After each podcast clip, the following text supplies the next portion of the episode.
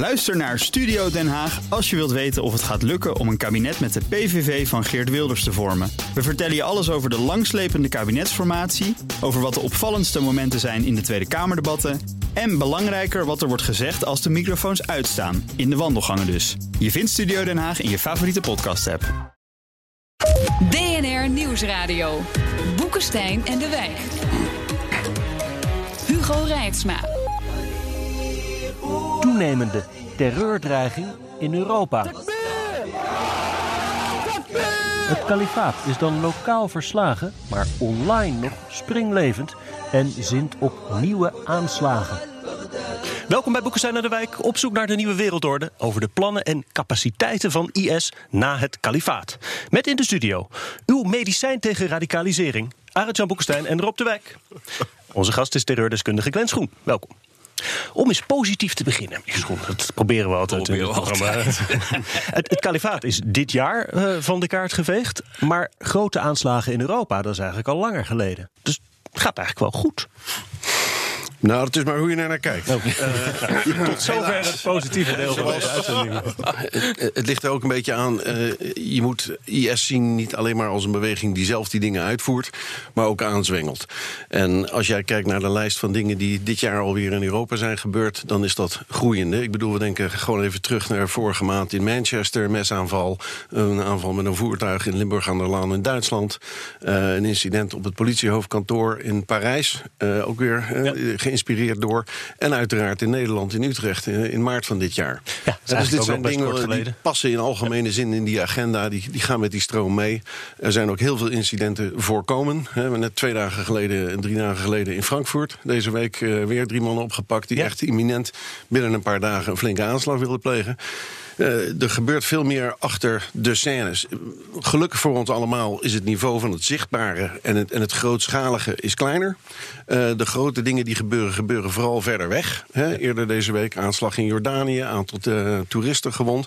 Maar bijvoorbeeld in april was het natuurlijk vergelijkbaar met de aanslagen in Parijs. Alleen het gebeurde in Sri Lanka en het betrof kerken. Hè, dus kijken we er hier diep naar? Nee, niet echt. Behalve op die, helaas op die zondag. En we zien die bloedige beelden. Maar het zinkt dus ook een beetje weg. Maar daarachter ligt die dreiging dus nog. Het is niet zo dat het niet dingen. wordt geprobeerd. Het is niet zo dat het niet wordt geprobeerd, dat het niet wordt voorkomen. Op dit ogenblik, hè? Sorry? Het is kleinschaliger op dit ogenblik. Uh, als je dus ook luistert naar wat uh, op dit ogenblik bijvoorbeeld de NCTV zegt. Die zegt, ja, ze zijn nog niet in staat om een grootschalige gecoördineerde aanval op dit ogenblik uit te voeren met een grote kans op succes. We hebben nu net eh, weer de verjaardag tussen aanhalingstekens gevierd van wat er in Frankrijk is eh, gebeurd in november, Bataclan. Ja. Dat was natuurlijk een enorme, grootschalige, gecoördineerde eh, aanslag. En daarvan wordt verondersteld dat dat toch wel lastiger is om dat op dit ogenblik uit te voeren. Maar wat niet is, kan nog komen. Ja en nee. Ik bedoel, het, uh, het, is natuurlijk waar je op focust. Ik bedoel, het goede nieuws is, we hebben minder gezien. Het is minder bloederig geweest. We hebben minder slachtoffers gehad de laatste anderhalf jaar. Hè, dat is gewoon een feit. Paal ja. boven water. Fantastisch.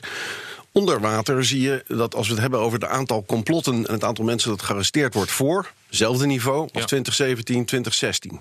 Ja, dus er wordt wel wat geprobeerd, er wordt wat aangespoord. Er zijn ook een paar pogingen geweest en een paar actuele incidenten. Ook Nederland de vraag is even, als we kijken naar zoiets als wat er in Parijs gebeurde op 15 november, uh, of sorry, 13 november 2015. Ja, dat is veel minder mogelijk nu. Dankzij fantastisch politiewerk, inlichtingenwerk, allerlei eh, mensen die zich inzetten om, om dit te voorkomen. Aan de andere kant, als je kijkt naar wat er in Sri Lanka gebeurde. Zelfde omvang, zo niet groter. Nog wat meer slachtoffers dan Parijs.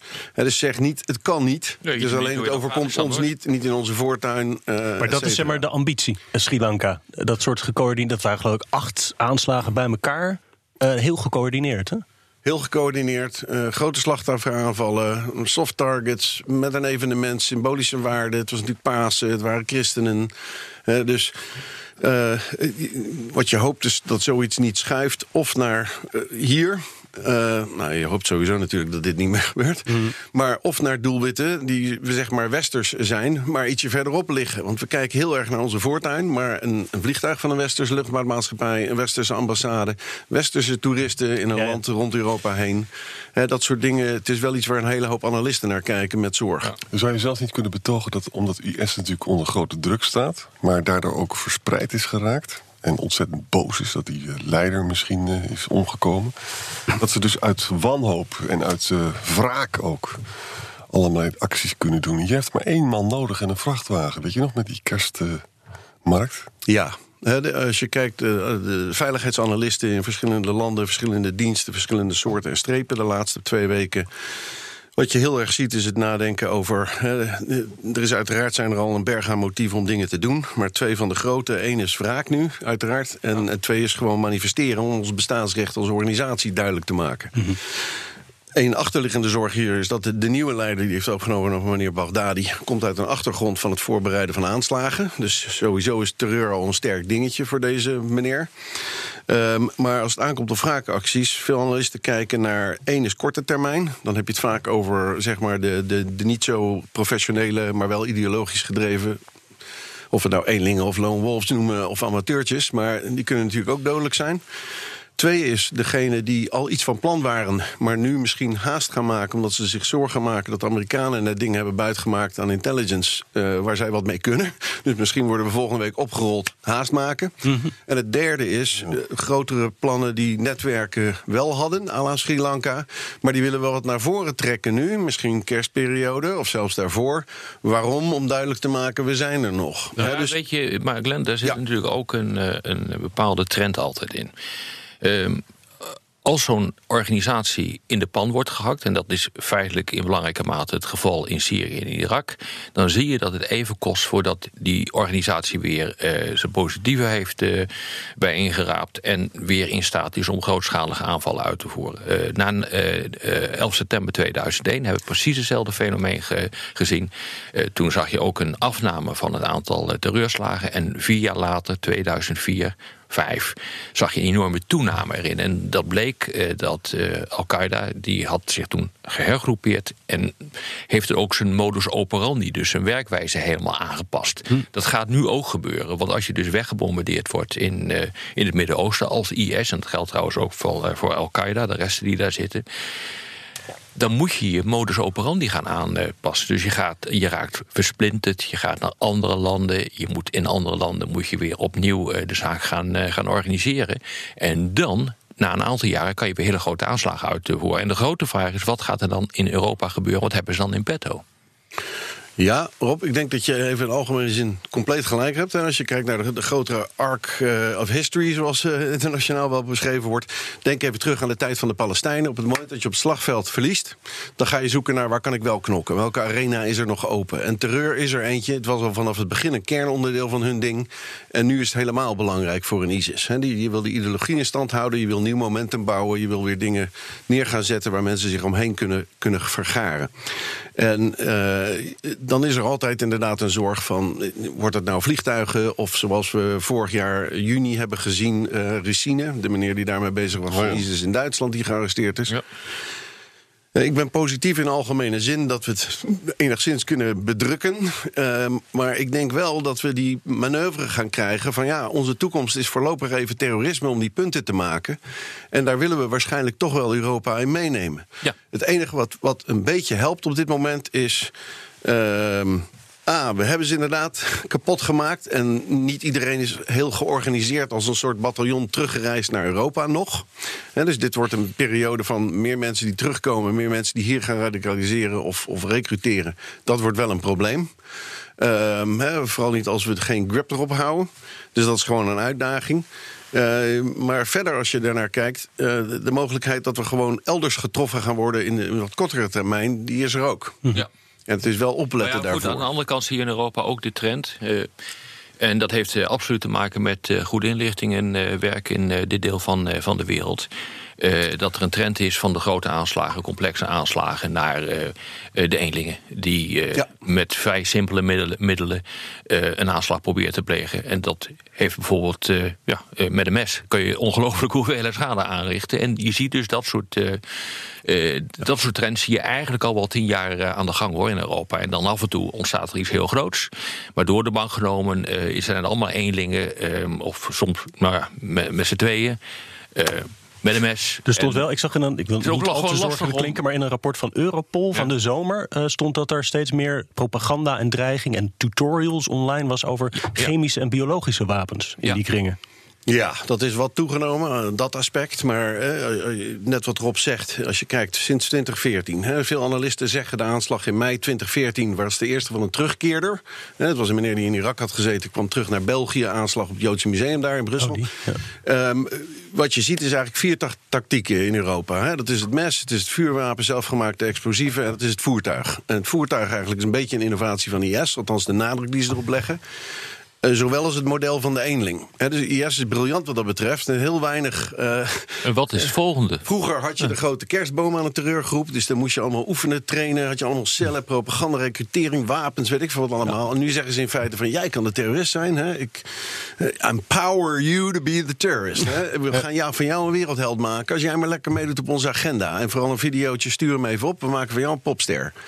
En dat heeft ze natuurlijk heel groot gemaakt in, in Ja. die contraien die Nou ja, en het punt is, eh, Glenn, eh, je ziet dus dat het met huistuin en keukenspullen kan. Ik bedoel, drugs die zijn volledig eh, vrij verkrijgbaar in eh, dit land. Messen ook. Ik bedoel, je hoeft maar naar de gamma toe te gaan en je kan, ze, je kan het, het, het grootste mes pakken wat je maar wil.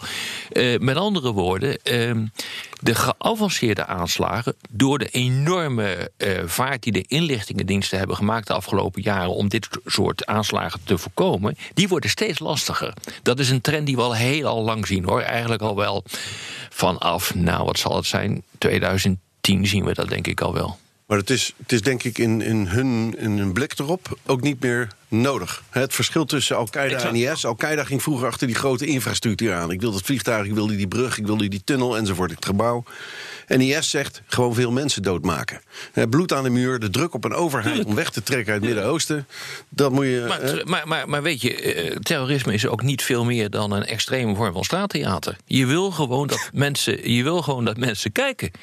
En het Ja. moet vrees aanjagen, het moet ontwrichtend te werken. En dat kan je ook op een hele. helemaal. eh, dat kan je doen met huis, tuin en keukenmiddelen. BNR Nieuwsradio. Boekenstein en de Wijk. Op zoek naar de nieuwe wereldorde. Dit is Boekenstein en de Wijk. En dat programma is natuurlijk niet zonder Arend-Jan Boekenstein en Rob de Wijk. Mijn naam is Hugo Reitsma en onze gast is terreurdeskundige Glenn Schoen. Cijfertjes. 6000, 8000 Europeanen zijn afgereisd eh, om te vechten voor het kalifaat. Zo'n 2000 eh, zijn er teruggekeerd. 300 Nederlandse eh, jihadisten uitgereisd volgens eh HIVD-cijfers. 90 dood, 60 terug, 130 in de kampen. Dat is ongeveer waar we het over hebben, eh, Grosso modo, meen ik. ja. Grosso modo. Die 60 die al terug zijn. Hoe problematisch is dat? Worden die allemaal in de gaten gehouden? Of is dat... Ik, ik hoop het. ja, nee, ik, ik wil luister. Even indirect wat we met z'n allen horen, bekijken, bezien. zonder dat we alle exacte weet hebben. of waar we weet van hebben, alles kunnen, alles kunnen zeggen. In algemene zin, uiteraard, doet Nederland keihard zijn best met heel veel mensen en heel veel middelen. Net zoals alle andere landen in Europa. Om de mensen die zijn teruggekeerd, om dat proberen goed in het snotje te houden. Dat dat moeilijk is en een uitdaging is, eh, dat is ook duidelijk. Het is duidelijk vanwege een aantal redenen. Eén punt gelijk te maken, wat ontzettend belangrijk is voor iedereen om te snappen. De dreiging ligt niet alleen maar in die terugkeerders. Iedereen zit zo gefixeerd in die nummers. Hoeveel mensen zijn er uitgereisd? Hoeveel zijn er precies terug? Hoeveel zijn er mogelijk onderweg? Ja. Er zijn er voor elkegene die is uitgereisd, tenminste twee of drie. Die hebben nagedacht over uitreizen of hebben En geprobeerd uit te reizen of al zijn teruggestuurd. Maar eigenlijk heb je het over hetzelfde. En achter die aantallen komt ook gewoon nog steeds elk jaar eh, een paar mensen, een nieuwe generatie bij. Die Ze hebben het over veel worden. meer mensen dan ik net noemde eigenlijk. Ja, het andere is dat in landen in dreigingen, wij denken nu na over Nederland. En we hebben natuurlijk gezien hier, meneer Tanes deed zijn ding in Utrecht. Maar we hebben natuurlijk ook andere mensen gearresteerd hier. We moeten ons wel realiseren dat een goed deel van die dreiging ligt gewoon over de grens. Dus bijvoorbeeld dat steekincident in, in Amsterdam. Hoe afschuwelijk dat ook was. Die twee Amerikanen gewond op ja. het station. De politie heeft goed snel ingegrepen. Maar waar heb je het over? Je hebt het over een asielzoeker van Afghanistan... die in Duitsland woont, die op de trein stapt... die boos is over iets dat er in Nederland gebeurt... en hier iets aan daad wil stellen. Had hij ook negen mensen kunnen doodmaken. Of 18 mensen kunnen doodmaken. Hè? Had hij een ander middel of meer effectief geweest. Dus we moeten ons wel realiseren... die discussie gaat niet zozeer over die hele kleine nauwe aantallen... en wie precies komt nou terug en waar precies ligt dat in het is wel wat de politiek ons wil doen geloven. Ja, Dat, dat kun je zeggen. Ik, ik denk meer dat je Ja, het moet het- bekijken van... joh, wat doen we, wat met doen we met het hoor. grote probleem... Ja. en wat zien we dat erachter ligt? En Ja, wat, we, wat dat- we weten dat erachter ligt altijd... Ja, dat is ben je ik krijgt volstrekt met je eens, maar zo werkt het in de politiek niet. Die focussen zich gewoon op op kleine issues, toch, Ja, wat, ik, wat ik in de politiek nu echt heel verbazingwekkend vind... het is volkomen ideologisch geworden. Maar we praten over berechting. Dat mag dan absoluut niet hier plaatsvinden. Dat moet dan vooral daar. Hè. Op zichzelf genomen zijn er goede argumenten voor... want je moet natuurlijk voldoende bewijzen verzamelen. Maar iedereen weet dat eh, Irak bepaald niet staat te springen... en dat als je het in Syrië wil doen, moet je, wil je met Assad praten... dat schijnt ook niet te mogen. Met andere woorden, in, in dat vacuüm zou ik zeggen... het is ontzettend belangrijk dat die mensen berecht worden... en nog veel belangrijker dat we ze in het snotje hebben... dat we ze ook achter slot en grendel kunnen zetten. Ik weet wel dat het, de bewijsvoering zal lastig zijn... en dat zou kunnen leiden tot milde straffen. Maar in ieder geval weten we dan wie het zijn... en dan kunnen we ze daarna volgen. Ja, als je het dan over 200 man hebt, dan heb je wel dus vijf geheime dienstjongens nodig om, om iemand te volgen. Maar dat lijkt me beter dan niks te doen en, en, en over berechting blijven Ja, praten afgezien, daar. afgezien daarvan, ah, Jan, ik, Ja. dat, dat is ook wel zo. Maar je kan toch niet verwachten dat Irak, of nu Assad, Syrië, dat Nou, die zegt van nee.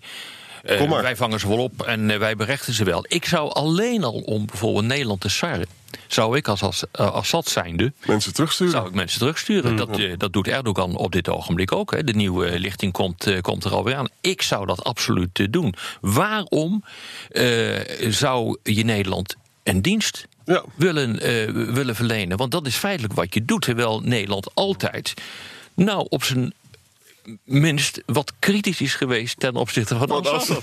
En eh, eh, vandaag ook weer wordt er gezegd van ja, die man hoort in de gevangenis terecht. Assad vind ik ook.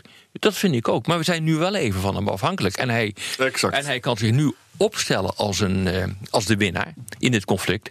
En dat is hij ook. En waarschijnlijk dus, Wij zijn dus niet de eisende partij. Wij zijn de vragende partij. En waarschijnlijk gebeurt dat nu al, hè? want die, die Koerden hebben natuurlijk zijn overspannen en die, die, die kampen zijn natuurlijk niet meer veilig. Dus jongens lopen weg. En Assad gaat die jongens echt niet allemaal oppakken. Dat, Ja. dat heeft, heeft wel andere dingen aan. zijn- eh. Dus de discussie is ontzettend. dood. Discussie is ontzettend wereldvreemd. Wat vindt, wat vindt de expert daarvan? Ik ben vooral teleurgesteld. Eh, en waar ik teleurgesteld in ben, is dat op het moment, dat begon al in 2013, toen het hoofd van de AIVD, meneer Bertollet, die stak eigenlijk zijn vinger omhoog, die ging zitten op Nieuwsuur en die zei van ik heb wat belangrijks te zeggen. En we gaan al deze mensen die gaan uitreizen. Nou, eh, daar kwamen allerlei ontwikkelingen over, maar ik bedoel, we weten verdomme al vijf jaar wat die dreiging is, wat er speelt, wie daarmee te maken heeft, hoe die een beetje heen en weer gaat. Dat we niet het is jammer voor Nederland, maar vooral op Europees niveau... dat we niet qua deradicalisatieprogramma's, qua opvang... qua het voorkomen van uitreizen, qua het opvangen van uitreizigers... qua het vaststellen van wat voor wetten gaan we doen. En dus al hebben we het in deze discussie bijvoorbeeld over... ga je ze daar berechten, dan, dan had ik toch het liefst gehad... dat drie of vier jaar geleden we al mensen hadden getraind... en een soort portable, collapsible rechtbank... klaar om in een Hercules vliegtuig daar naartoe te vliegen... open te klappen, eh, of, of de Irakiërs het nou runnen of de Koerden of wij. Maar Ja. boom, let's do it. Doe Waarom is dat niet gebeurd? Is dat kop in het zand? En, en hebben we al klaarstaan? Gaat het dan lokale gevangenis in? Gaan ze dan hier de gevangenis in? Geef ze daar dan maar die langere straf, weet je, als dat het idee was. Dus in plaats van vier jaar in Nederland krijg je 22 jaar in Irak. En je mag daarvan alle 22 in Nederland uitzitten. Maar dat het niet al een beetje geregeld is en bedacht is. En dat we niet al wat uitgangspunten Nou ja, klaar hebben staan. natuurlijk Dat vind op ik zich triest. wel bedacht. Als die mensen hier naartoe komen. eh, Nederland wordt geroemd door zijn case-by-case aanpak. Ook internationaal. En dat is redelijk succesvol eh, wat er hier eh, gedaan wordt. De inlichtingendiensten doen goed werk. De, de relatie met de politie is wat dat betreft eh, goed. Er wordt van geval tot geval bekeken hoe je die lui aan moet eh, vastpakken. eh, in de bak gooien. Als ze te vroeg eruit komen. Als er geen bewijs is, dan ga je ze volgen. Eh deradicaliseringsprogramma's worden redelijk op maat eh, gesneden. Daar is internationaal best eh, wat. eh, eh, ja, eh, er zijn positieve woorden eh, klinken daarover. Met andere woorden, waarom doen we dat gewoon niet? Waarom zijn we hier nou zo bang voor? Ik, ik snap dit niet, want dit is een, bijna een, een voldongen feit waar je voor wordt. Die lui komen hier naartoe en precies wat Glenn zegt. Het, het gebeurt niet. Nu gebeurt het eh, wel.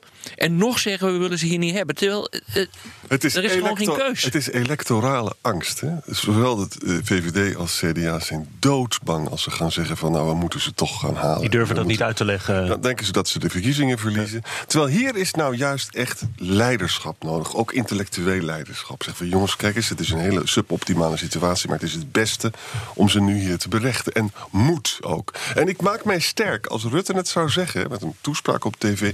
Dat dat grote indruk zou maken. Maar halen, halen is wel lastig hoor.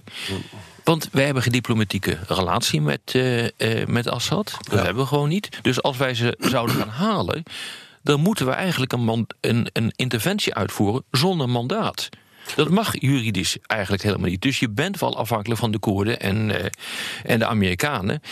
Uh, maar, maar, tegelijkertijd, maar, tegelijkertijd, is dat het hele punt niet. Ze komen toch wel naar ons Exact. Dat, als we dus niks zouden doen, dan komen ze nu ongecontroleerd terug. En dat mis ik nu een beetje in de discussie. Hè, die, die wordt in Nederland gevoerd, maar ook in andere landen van Europa.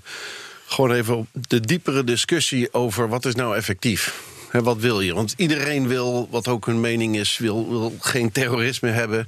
En wil dat het probleem eindigt en dat radicalisering weet je wel, naar beneden gaat enzovoort. En um, het valt mij op dat die diepere discussie over welke modellen hebben we nu in het verleden gehad. Hoe gaan we voorkomen dat we bijvoorbeeld een soort rechtbank op afstand hebben, zoals de Amerikanen na 9-11 uh, in feite en de invasie van, van Afghanistan. Hoe hebben ze Guantanamo Bay geregeld? Eigenlijk een noodoplossing, maar fout ingezet. Uh, want uiteindelijk zet je jezelf vast. Alleen je hebt ook weer voorstanders die zeggen: ja, maar ze zijn in ieder geval niet in de wijde wereld bezig om dingetjes te doen. Het punt zijnde: uh, er zijn veel casussen om naar te kijken van hoe. Ben je het meest effectief? Hoe kan je het het beste uh, in, de, in het snotje houden? En ik, ik hoor weinig in deze discussie over die punten die worden aangevoerd waar we wat mee kunnen. Niks. Het is veel opinie. Ja. Ja, en, en die deradicalisering, want daar moet je het uiteindelijk dan van hebben, toch? De, de, de hearts and minds, zeg maar. Lukt dat? Oeh, dat is een moeilijke. Nou, wat je, het, eerste, ja, het eerste wat het je kan roepen is, is er wordt heel veel aan gedaan. Ja. Ja, dus heel veel goede mensen, uh, academici, sociale werkers, wetenschappers. Het hele spectrum van mensen, politiemensen ook in de wijk, in de buurt. De jeugdmedewerkers, de leraren. Er wordt ontzettend veel aan gedaan. Er wordt ook ontzettend veel vooruitgang geboekt. Um, wat moeilijk is, is dat we met z'n allen nog niet hebben kunnen afstemmen van dit zijn echt de best practices of de good practices. Nou, één voornamelijk... ding wel, uh, Glenn, en ja. dat is heel erg lang vastzetten. De, de, dat blijkt te werken. Uh, dat weten we ook uit andere landen, maar heel erg lang vastzetten. En dat kan vaak juridisch niet. En er zit een groot probleem in. Op een gegeven moment weet je, ben je er ook zat van. He, je, op een bepaalde leeftijd uh, ga je radicaliseren, ga je aanslagen uh, plegen. Maar je moet je eens voorstellen wat dat betekent als je dus uh, een jaar of 50, 60 bent. Uh, dan heb je daar gewoon geen zin meer Hoe zitten bijvoorbeeld de mensen die nu in de gevangenis maar, zitten en weer vrijkomen op een je, hebt, je hebt gelijk, maar het is een beetje een punt maken alsof. Weet je, het andere grote punt dat we hebben geleerd is: ja, je moet zorgen dat ze snel gaan trouwen en kinderen krijgen. Ja, weet je wel? En dat soort, dat soort dat punten. Tijd, dat tijd erg belangrijk is. Alleen ja. die tijd hebben we vaak niet. Maar, of zijn we niet bereid om erin te steken? Maar je zou erover kunnen nadenken. Kijk, we hebben in onze rechtsstaat is de presumption of innocence. Het gaat natuurlijk om de bewijsvoering. Die is ongelooflijk moeilijk in dit geval. Ja. En dat betekent dus dat mensen misschien maar een paar jaar krijgen. Kunnen we nou niet een, een systeem bedenken met elkaar als iemand echt daadwerkelijk daar heeft meegevochten? En er is behoorlijk wat bewijs. Dat hij dat er, ook als de straf dan toch nog mild uit, dat er zelf je moet verplicht in die therapie. Ja, maar ik pak hem even anders. Ik denk ja. meer, hè, als je bijvoorbeeld kijkt naar de programma's die Engeland heeft uitgerold op, op contra-radicalisatie. Wat daar fantastisch is, is die trekken hem breed. Dus die zeggen niet alleen van joh, al deze focus op islamitisch jihadisme of hoe je het noemen wil en IS geleerd. Extreem rechts. Dat is even goed radicalisatie. Dat wil je ook voorkomen. Je wil niet dat we nieuwe Hitlertjes maken en, en, mensen die extreme beelden hebben en hele gekke dingen gaan doen met moskeeën en synagoges en mensen in elkaar slaan die er anders uitzien. Um, dus daar hebben ze het gewoon integraal neergezet. Uh, en uiteraard wil je het altijd beginnend als een preventief programma. Er is heel veel on offer. Maar uh, mm. onder de uitdagingen zijn he, de, de, de wetenschappelijk gezien de N, dus het gemiddelde waar je naar kijkt van wat werkt wel, wat werkt niet, is nog vrij laag. Wat Rob net zei, we hebben niet veel tijd gehad. Dus de studies zijn nog vrij dun qua de diepte en de lengte van veel dingen. Ja. En ja, in veel landen, het vereist ook een lokale best practices aanpak. Dus het is niet altijd iets wat je uit kan smeren als pindakaas over heel Europa heen. Het, uh, hier is het cashewnoot en daar is pinda. Met dit constructief advies moeten we het voor de radio erbij laten. Op de podcast hebben we gelukkig meer tijd. Uh, luistert u op de radio, dan verwijs ik naar iTunes, Spotify of gewoon bnr.nl. Want we hebben vragen van luisteraars. Thijs van Welley vraagt: Zijn alle IS-strijders en partners uit Nederland bekend? En hoe zeker weten we dat een Griekse, Sloveense of Hongaarse douane hen gaat tegenhouden bij het inreizen uit uh, dat gebied? Ja, dat weet Ik denk dat, het, dat de meeste wel bekend zijn. Er zal er af en toe iemand doorheen slippen. Uh, als iemand hier in Nederland nog steeds is en die zit op een achterafkamertje uh, te radicaliseren, dan is het lastig om erachter te komen. Maar door de bank genomen weten we wel heel erg veel hoor. We hebben de administratie wel in handen, zo langzamerhand. Zo langzamerhand, ja, zo langzamerhand weet je wel heel erg veel wat er, uh, wat er gebeurt in een land. Ja, en uh, wat soms in het begin van zo'n proces ook moeilijk is om uit te zoeken van uh, als het dubbele nationaliteit is. Weet je wel, waar passen die dan? Hoe kijken we daar dan naar? Hoe ja. beschouwen we die persoon? Maar ik denk dat Rob gelijk heeft. Uh, en vooral, ik bedoel, ook in Nederland, de overheid, van alles wat je leest en hoort en ziet. Er wordt natuurlijk ook gewoon actief heel goed samengewerkt met alle andere landen.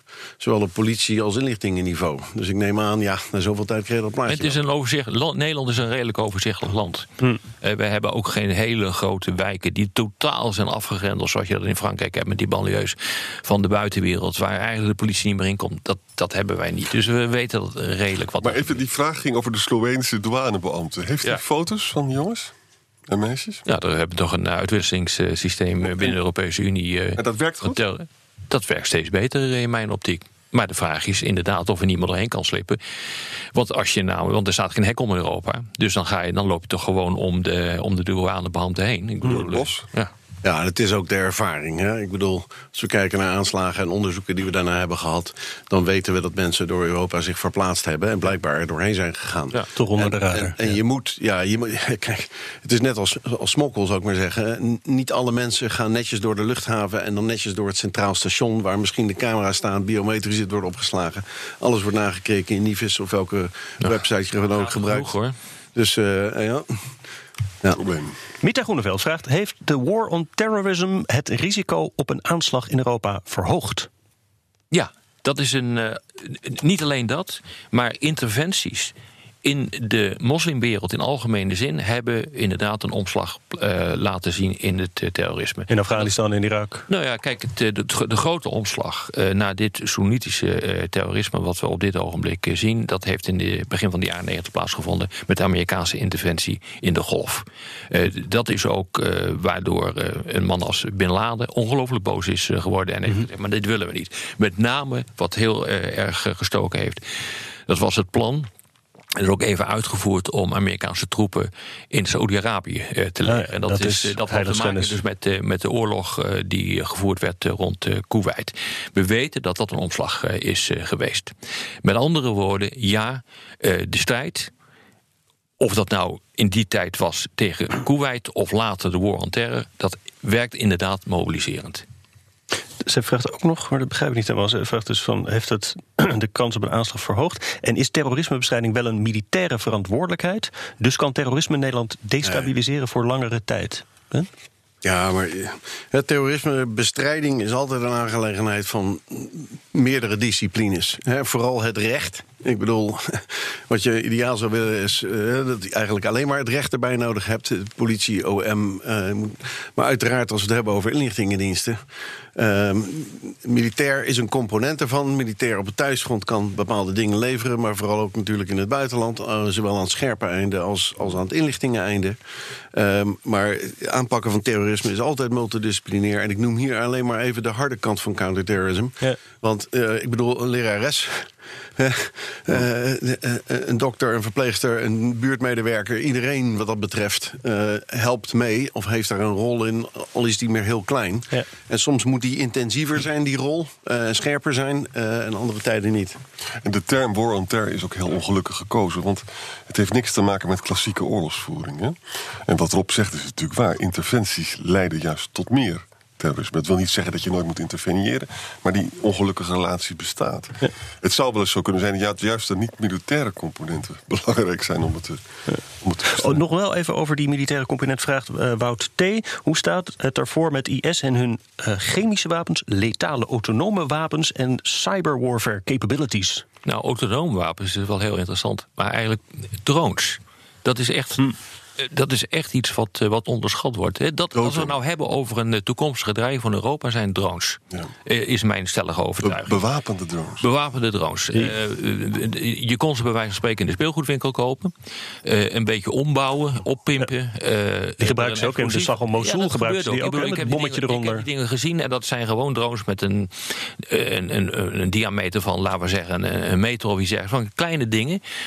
En als jij in Irak of in Syrië bent eh, als militair, dan is dat echt heel erg vervelend, heel erg gevaarlijk. Dan hoor je die krengen aankomen Ja. en je weet nooit wat er gebeurt. En als je dat combineert met inderdaad bewapende drones, eh, chemisch, biologisch, wat dan ook, dan heb je echt een probleem. En dat zou wel eens een keer een probleem kunnen zijn voor de toekomst. Glenn knikt. Twee dingetjes. Even, eh, als we het hebben over chemisch-biologisch. Nou, we noemden het net al even. Er is hier en daar door een paar mensen gekeken, geëxperimenteerd. Meneer die ricine had gemaakt in Duitsland. Dat was echt wel een verrassing, hè, toen hij in juni van 2018 werd gearresteerd. Dat was trouwens maar een paar kilometer van de Nederlandse grens. Ehm, als je kijkt vooral naar chemisch. Zij hebben natuurlijk zelf geëxperimenteerd en gekeken naar. en ook met mortieren eh, binnen het land zelf. Hè. Dus uw luisteraar, als die bijvoorbeeld even naar de West Point Counterterrorism Center website gaat. en het tijdschrift opzoekt op 2018, geloof ik.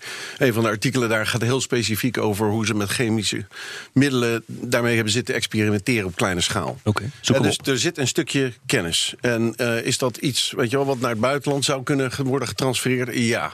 Is dat in de eerste praktische zin voor terreurwapens een grote? Nee. Dus dit zal wel iets zijn waar we net zoals dat Ricine af en toe iemand mee zien experimenteren. Als het zich doorzet of als ze één keer met iets kleins succesvol zijn, dan wordt het groot. Maar vooralsnog zie je in de veiligheidsdiensten, dit is niet de het leidt, het is- leidt tot ontwrichting en niet tot massale aantallen slachtoffers. Dat is het idee wat erachter zit. Ja, en ik bedoel, de, de vraag is: zullen ze ooit naar dat tweede toe gaan? Eh, maar inderdaad, als je het hebt over ontwrichting. hè, Waarschijnlijk is dat even heel erg lastig. als voorbeeldje in Amerika waar ze zich zorgen over maakt. Het is nu niet meer geheim.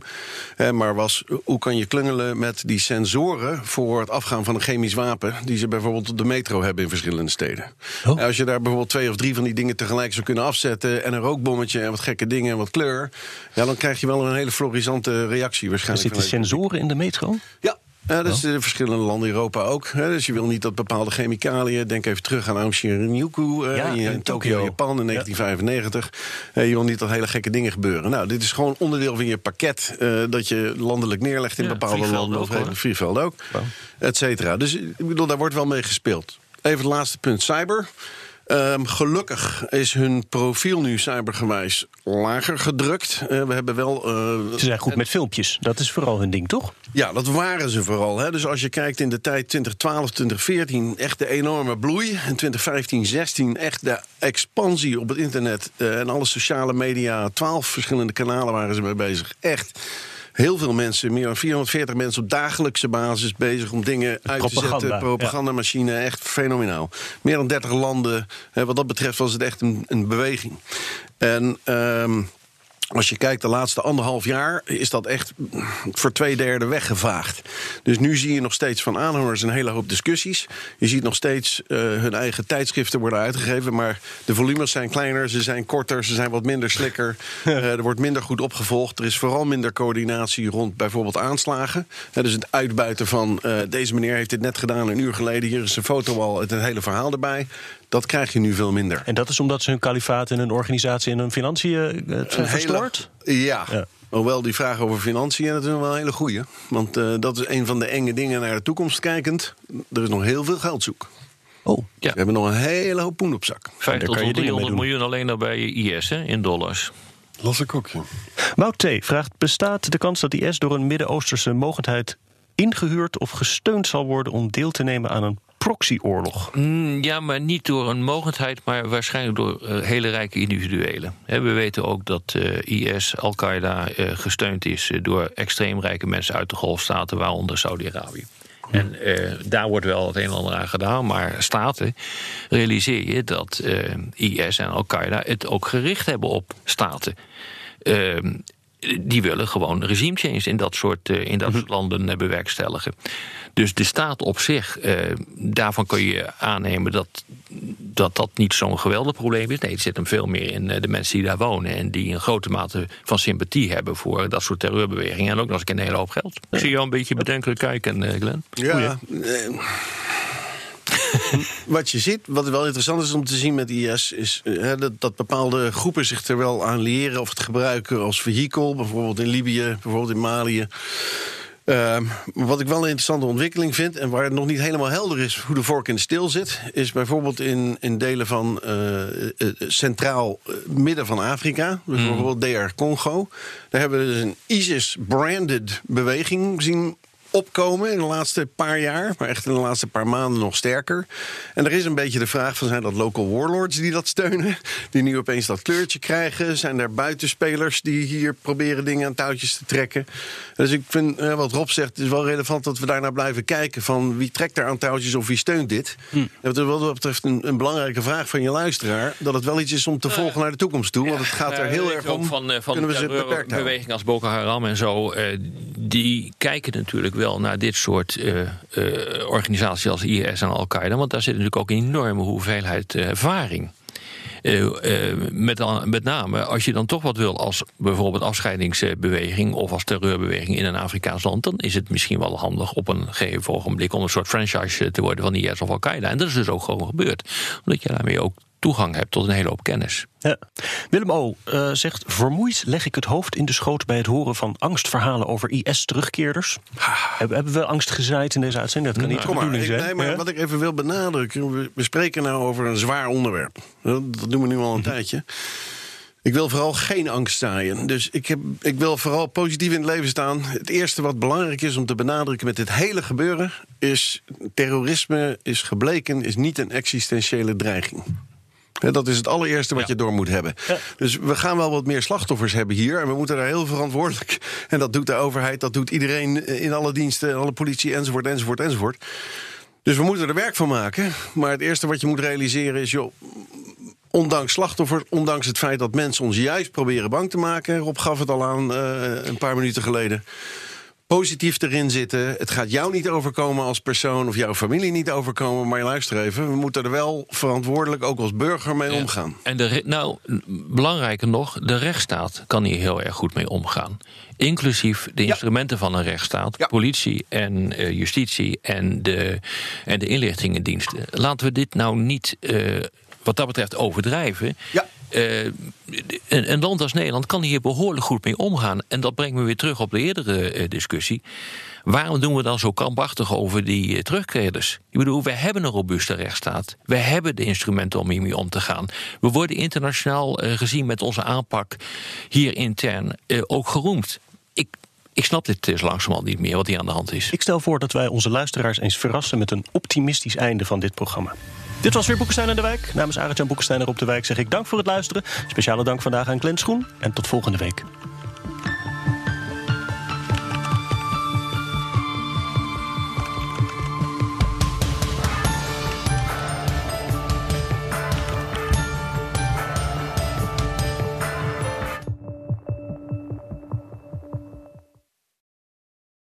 Ook Bas van Werven vind je in de BNR-app. Ja, je kunt live naar mij en Iwan luisteren tijdens de ochtendspits. Je krijgt een melding van Breaking News. En niet alleen onze podcast Ochtendnieuws, maar alle BNR-podcasts vind je in de app. Download nu de gratis BNR-app en blijf scherp.